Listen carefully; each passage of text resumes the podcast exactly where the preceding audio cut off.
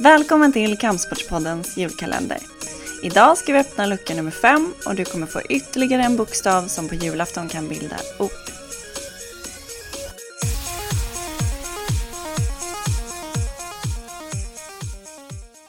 Vårt förbunds historia inleddes den 27 november 1960 vid ett konstituerande årsmöte där nio judoklubbar var representerade.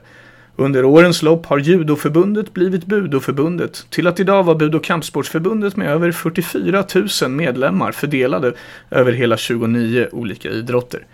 1960 hölls också det allra första styrelsemötet i förbundet i Göteborg.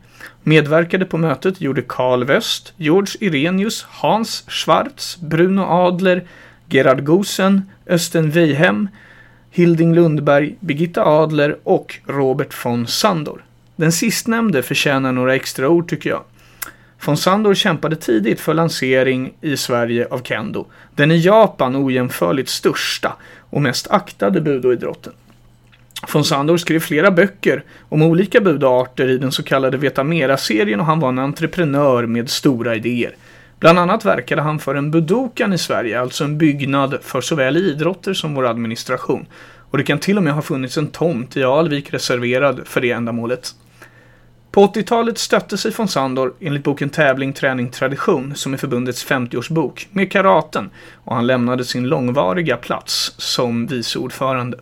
Så här står det i boken om von Sandor. Under de sista åren av sitt liv var han fullt nöjd med allt annat han hade för sig i livet och lämnade förbundet åt sitt öde. Men vi ska inte glömma att det var just genom Robert von Sandors försorg som vårt förbund odlade en annan anda än den som media då och då ville pådyvla oss med rubriker om våldssporter. Han värnade om den rika kulturen i våra idrotters traditioner. I lucka 5 söker vi första bokstaven i ett annat ord för start som också kan symbolisera hela detta avsnitt i viss bemärkelse. Om du tror dig veta vilka ord vi letar efter, mejla ditt svar till annie.budo.se och skriv julkalendern i ämnesraden. Då är du med och tävlar om två platser till Kampsportsgalan den 17 mars. Först till kvarn gäller och vinnaren presenteras på hemsidan efter jul.